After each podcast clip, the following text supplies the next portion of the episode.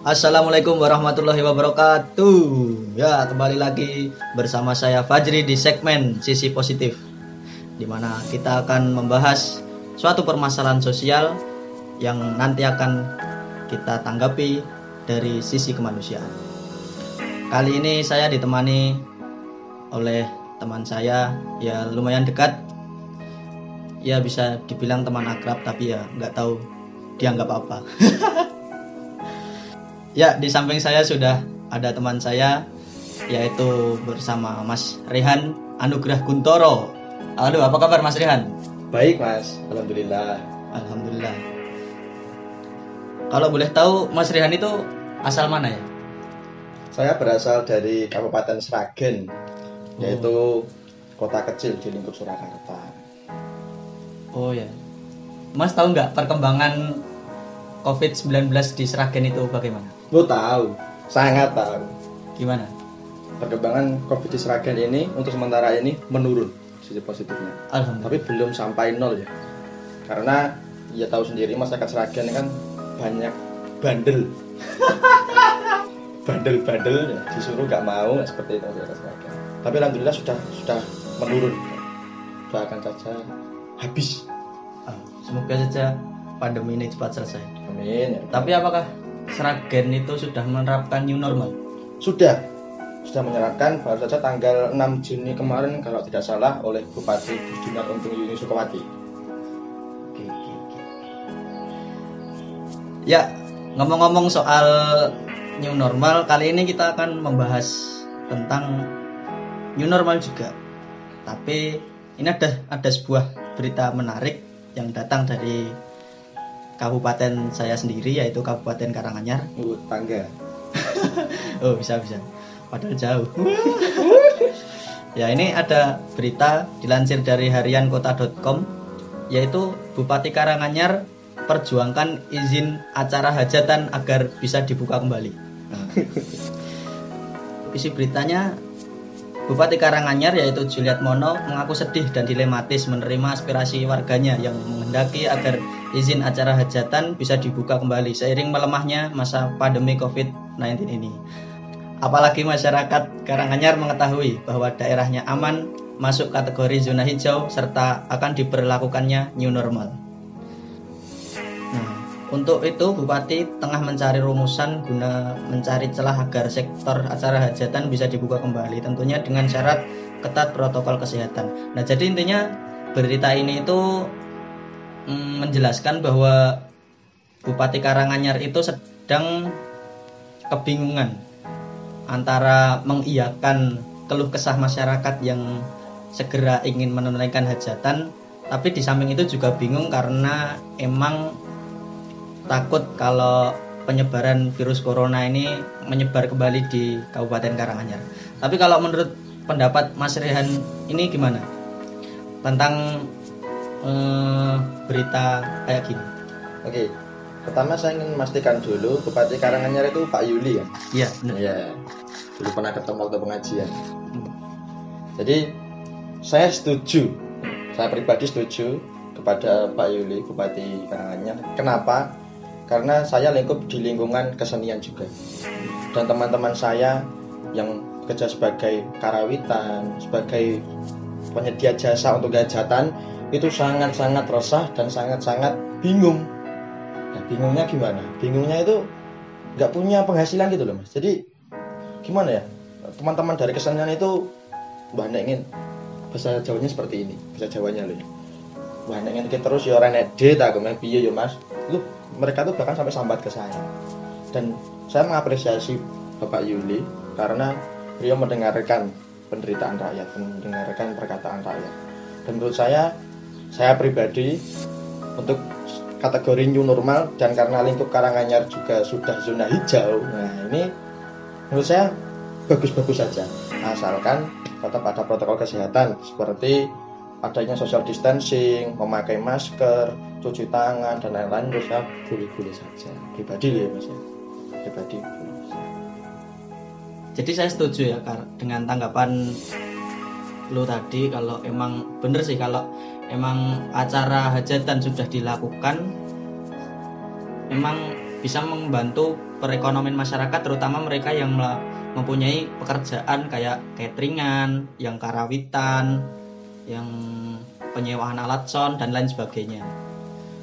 Karena ya saya juga punya teman yang kebetulan pemain pemain gendang di sebuah kelompoknya dan dan dia itu juga resah gitu selama masa pandemi ini nggak ada hajatan sama sekali ada job terus dibatalin dia ngeluh kalau kekurangan uang dan dia nggak punya pemasukan lain selain dari hajatan seperti itu Eh, tapi di Karanganyar sendiri yang sepengetahuan saya itu kan sudah ada tiga yang positif. Nah, kalau menurut lo sendiri gimana? Meskipun ada tiga orang yang positif, aka- apakah masih layak eh, untuk diadakan acara hajatan atau acara-acara lainnya yang me- melibatkan pengumpulan massa? Meskipun di wilayah tersebut ada yang positif, itu gimana? Oke, menurut gua sendiri juga nggak apa-apa sebenarnya. Karena kan yang gua tahu kan orang-orang yang sudah positif corona itu kan otomatis sudah ditempatkan di rumah sakit atau isolasi mandiri di rumah. Dan jadi harusnya nggak mungkin orang yang sudah positif corona ikut kondangan. Kan otomatis masyarakat sudah sudah tahu. Masa positif ikut kondangan ya? Nah, jadi menurut saya sah-sah saja. Menurut gua sah-sah saja. Yang penting mengikuti protokol kesehatan dan yang penting lagi satu jangan bandel Oke, mantap sekali. domanuto Tapi ini agak lucu ya. Saya dapat kabar kalau di desa dekat kampung saya itu sedang menga- men- mengadakan hajatan. Tapi meskipun mengadakan hajatannya ini sudah masuk new normal, tapi dari warganya nggak ada yang datang. Padahal sudah dipasang lengkap kayak gitu, sudah ada tenda, terpal, dan properti lain. Tapi warganya nggak ada yang datang. kasihan kayak gitu. Oke, kalau di Sragen sendiri kondisi new normalnya gimana? oke itu di Seragen sendiri ya kalau di Seragen itu new normalnya lebih ke peramaian pasar dan lain-lain. Karena Bupati Seragen Ibu Yuni juga sudah tahu bahwa terutama masyarakat pedesaan seperti desa gua dan lain-lain itu sangat mengandalkan adanya pasar. Oke, oke, oke. dan selama pandemi ini tuh waktu saya ke pasar untuk beli jamu daun pepaya itu sepi sekali pasar sepi sekali. Bahkan saya kasihan lihat mbah-mbah yang sudah sudah tua gitu nggak ada yang beli. Kan di hati ternyuh ternyuh gimana gitu. boleh. nah jadi sudah mulai normal ini alhamdulillah sudah mulai ada yang beranjak ke pasar berani ke pasar. Karena ya ya mau gimana lagi? Orang desa itu jualan ya jualan daun ya jualan nasi pecel itu di pasar semua. Lah kalau nggak ada yang beli nah Hmm. kan nanti sama-sama kekurangan lah malah jadi bahaya yang lain. Gitu. Kalau mungkin di kabupaten lain saya nggak begitu tahu tapi Sragen ya alhamdulillah sudah mulai membuka sedikit-sedikit. Tapi nggak lang- nggak langsung belum nggak langsung. Tapi sedikit-sedikit fokusnya new normal itu di pasarnya ya. pasar. Di pasar. Meskipun jalan akses menuju pasarnya masih berantakan. masih. Nggak ada dibuka sama saja. Sama saja Masih kayak dulu. masih kayak dulu tetap saja Ya jadi gimana ya? Meskipun pasarnya sudah dibuka, tapi kalau akses jalannya masih kayak seperti dulu, ya sebenarnya nggak percuma, tapi ya harus disupport juga gitu loh. Ya semoga kalau Bupati Sragen mendengar podcast ini, semoga sadar lah kalau aspirasi rakyat itu penting, terutama jalan-jalan yang mungkin Anda abaikan. Contoh dong Pak Yuli.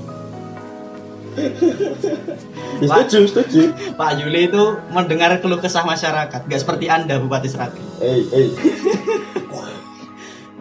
tapi setuju juga sih jadi untuk lingkup Seragen sendiri itu ya bupati itu sebenarnya tuh nggak terlalu untuk membatasi jalan atau meng, cara cara gampangnya tuh ya mem- menghadang jalan menutup jalan tuh nggak seperti itu. Tapi yang menutup jalan itu ya ya warga-warganya. Tahu kan warga Seragen kayak gimana? Oh, iya, iya. nah jadi kayak nggak mau tahu gitu loh mereka. Nggak ingin membuka pikiran juga. Kebanyakan seperti itu. Nggak semua. Tapi ya kebanyakan. tapi s- sebenarnya gue juga eh, agak heran sih terutama di wilayah-wilayah yang sudah masuk zona hijau atau zona aman. Hmm, tapi mereka masih hmm, jalan akses menuju jalan desanya itu masih ditutup. Ya meskipun nggak semua tapi ada beberapa desa. Karena kemarin saya ke Seragen ada desa yang jalan akses masuknya itu ditutup. Iya. nah padahal sudah zona hijau tapi eh, masyarakat desanya masih menerapkan lockdown karena jalan aksesnya ditutup sedangkan eh, masyarakat kota yang masih zona merah tetapi malah keluar rumah Wih, gimana ini Woi masyarakat masyarakat kota, ya dengerin, sadar diri woi. Kasihan kami yang di desa. Desa gak ada apa-apa, zona hijau cuma ditutup. Kalian orang-orang kota ini, woi woi woi. Enggak, enggak bercanda, bercanda. Bercanda, bercanda.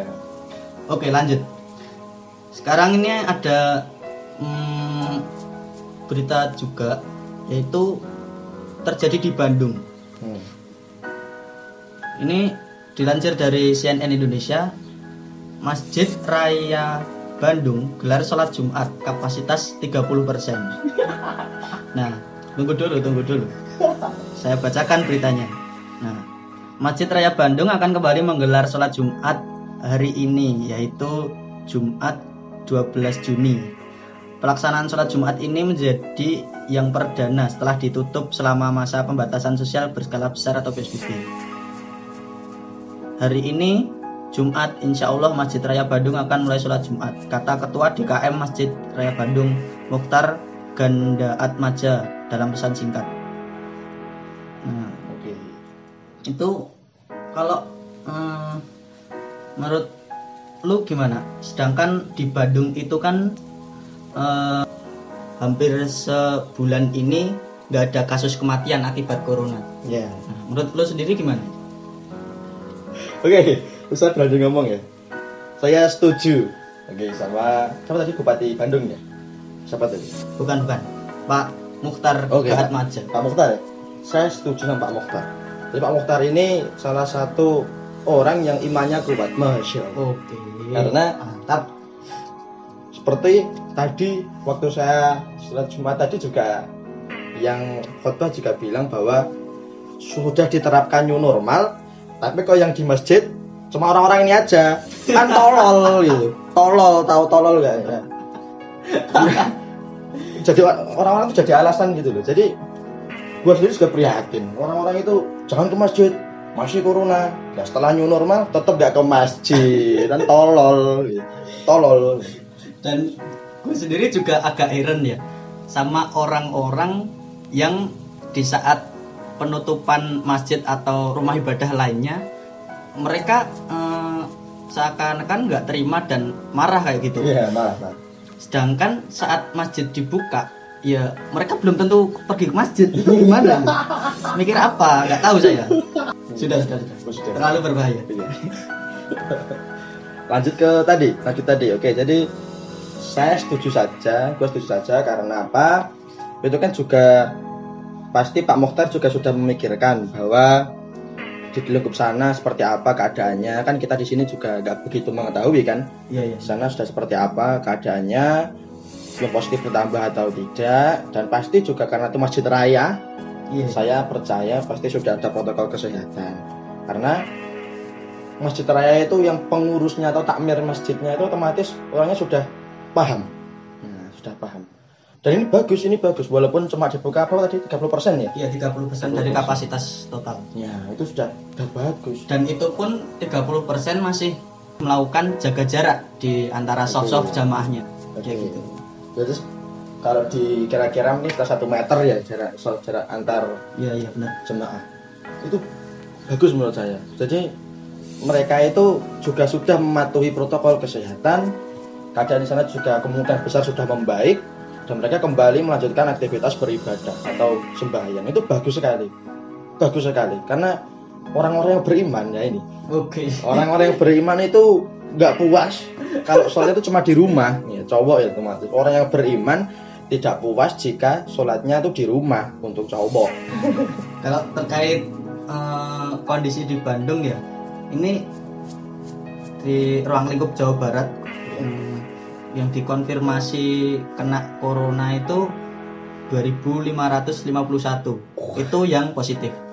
Tapi yang sembuh sudah mencapai 1016 jadi ya hampir setengahnya lah. Ya potensi eh, enggak potensi eh, tingkat yang positif sama yang sudah sembuh itu udah hampir 50 persen. Hmm. bagus bagus. Jadi orang Bandung itu kebanyakan nggak ngeyel ya kebanyakan nggak ngeyel. Mungkin. Mungkin. Nah, kita juga nggak tahu. Kita nggak tahu. Nggak ngeyel. Saya tuh gua pribadi kasihan sama Pak Rudi wali kota Solo. Kasihan. Ya karena gimana ya susah kan? Orang ikut Surakarta Solo Sragen Karanganyar Sukoharjo Wonogiri Iya. dan lain-lain. Lingkup-lingkup Surakarta kan kebanyakan orang-orang itu bermata pen, mata pencahariannya itu ya di lingkup beramai-ramai. Nah. Berdagang. Berdagang di pasar dan lain-lain. Nah jadi itu pasti pusing Pak Rudi pusing. Makanya langsung bikin jargon domanuto. Ya, Hmm. kalian itu mana bahasa Indonesia nya apa ya? patuh lah. Patuh. Kalian tuh pada patuh gitu Indonesia seperti itu. Jadi kasihan. Walaupun Pak Rudi juga sudah dibantu banyak anggotanya dan bawah-bawahannya juga tapi tetap susah karena orang sini ngeyel ngeyel wih. Ngeyel. Oke sekarang gua mau tanya sama lu. Gimana ini masih menyerempet tentang corona tapi juga menyerempet tentang agama. Waduh berat. Jadi kalau kita hanya berbicara tentang PSBB, itu kan di agama pasti sudah ada.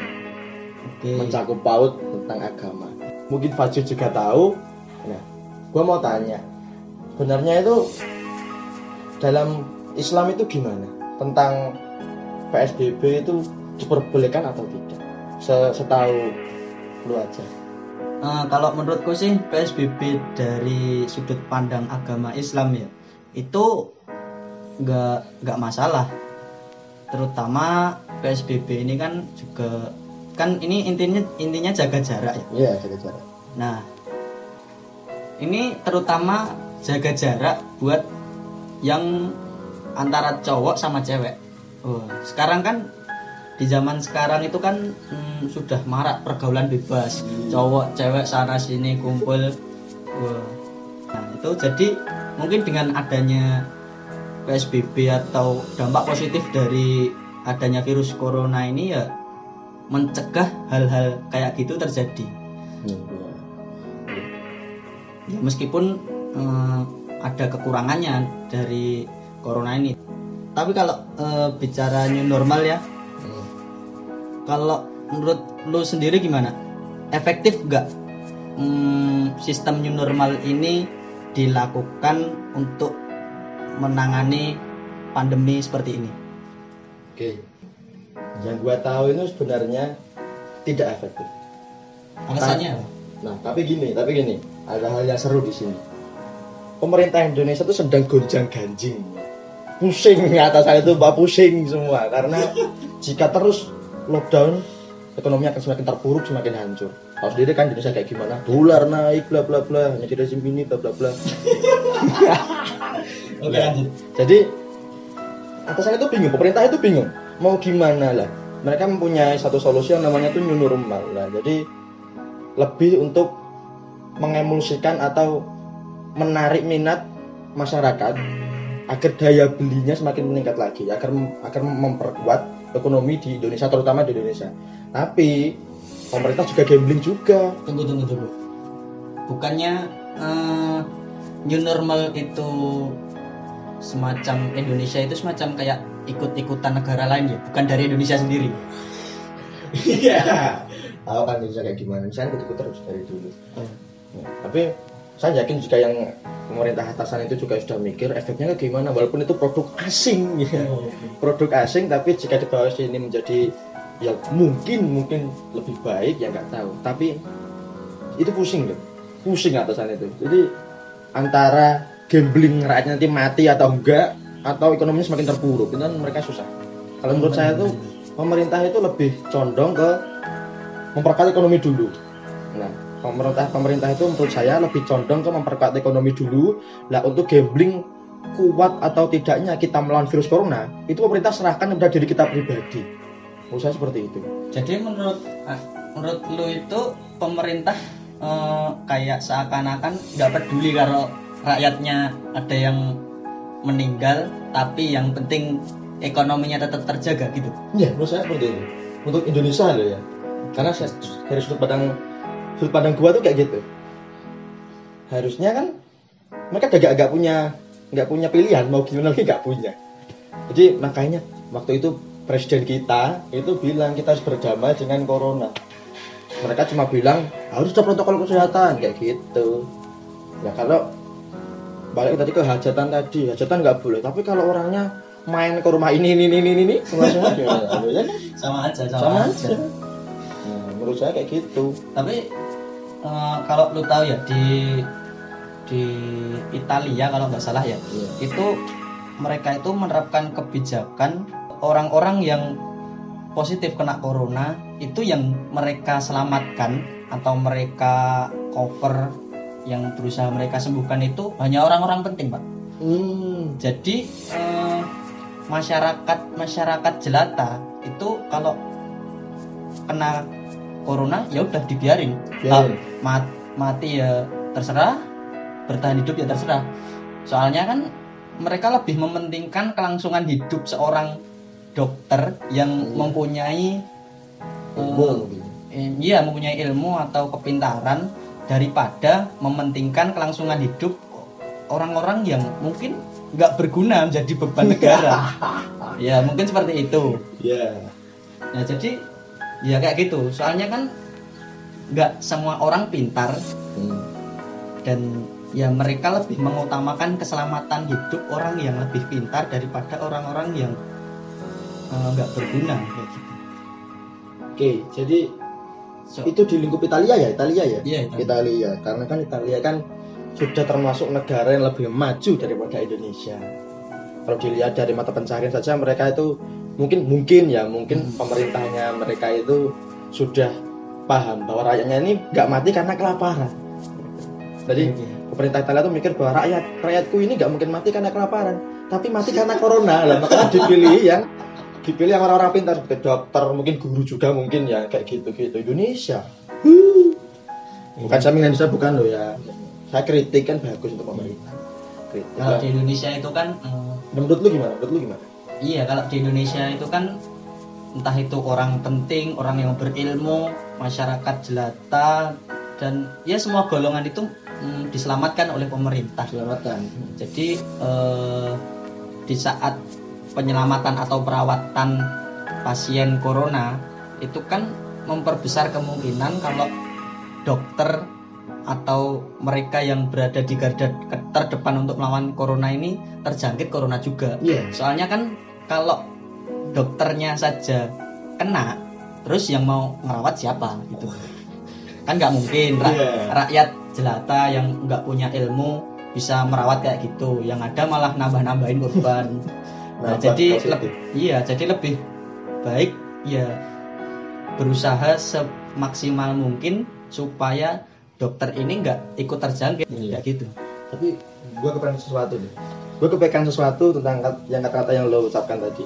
Gimana? Jadi lucu sebenarnya ini ya. Indonesia itu kekurangan perawat waktu pandemi kemarin ya. Itu perawat itu gonjang ganjing, perawat itu susah, dokter, bidan dan lain-lain itu semua serba sibuk untuk mengurusi pasien-pasien corona. Oke. Tapi rakyatnya ini, rakyatnya ini kok kurang gitu. Tahu dokter, suster semua itu sibuk, Anda malah main-main, woi. Woi, kasihan mereka capek. Woi. Tapi bicara soal itu ya, aku pernah lihat video kalau seorang seorang dokter atau pokoknya tim medis Hmm. Dia itu pakai APD lengkap baju APD Iya. berputih-putih dia pergi ke jalan dan sambil teriak-teriak kami sudah Oh, iya. lelah Oh iya, mungkin itu, mungkin itu, udah itu. pernah lihat nggak ya? udah, udah, udah.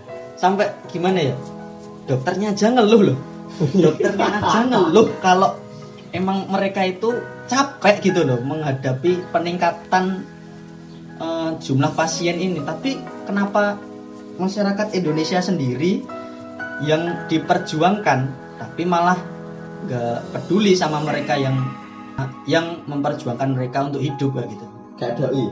Diperjuangin. Ya, saya itu sebenarnya itu simpati ya. Saya itu kasihan sama para dokter, suster, perawat seperti itu. Ya, saya juga sedikit prihatin. Ini saya dibuka new normal kan banyak dokter, suster juga yang protes gitu kan. Banyak kan protes Iya, juga. iya. Protes karena lah ini kok malah dibuka? Gitu kan. Gue tambah sibuk nanti gue wah gitu gitu kan semakin pusing. Lah Iya, iya, semoga iya. saja semoga saja masyarakat Indonesia sadar bahwa pentingnya protokol kesehatan dan pentingnya menjaga jarak atau social distancing. Nah, seperti itu. Kasihan itu dokter kasihan. Capek. Dokter Tirta sampai misuh-misuh sampai sampai mengumpat kayak gitu kan udah udah capek udah tapi pusing. kan itu memang kebiasaan orangnya. Iya kayak kebiasaan. Dari kebiasaan. Tapi kan nggak seemosi kayak gini. Nggak seemosi kayak gitu. Ya mungkin jadi kayak gitu ya. Pentingnya masyarakat Indonesia untuk menerapkan pola hidup sehat. Mulai dari sebenarnya udah agak terlambat tapi kata pepatah bilang tidak ada kata terlambat untuk ber- berubah menjadi lebih baik. Nah, jadi kayak gitu mungkin eh, lu punya pesan-pesan yang ingin disampaikan kepada masyarakat di tengah new normal kayak gini? Ada. Apa ya coba-coba sampaikan aja nggak? Kalau gak persingkat ya pesan saya tetap patuh kepada penguasa atau pemerintah. Daripada kita mengutuk kegelapan lebih baik kita menyalakan lilin. Itu, itu peribadanya jadi tetap social distancing. tetap patuhi protokol kesehatan jangan lupa pakai masker cuci tangan pakai sabun dan tetap jauhi zona merah yang di zona merah jangan keluar oke oke itu saja terima kasih oke terima kasih Mas Rian oke Oke, cukup sekian segmen sisi positif pada kesempatan kali ini. Terima kasih pada Mas Rihan yang sudah menemani saya. Ya sama-sama. Oke, saya akhiri langsung. Semoga pandemi ini cepat berakhir dan Assalamualaikum warahmatullahi wabarakatuh.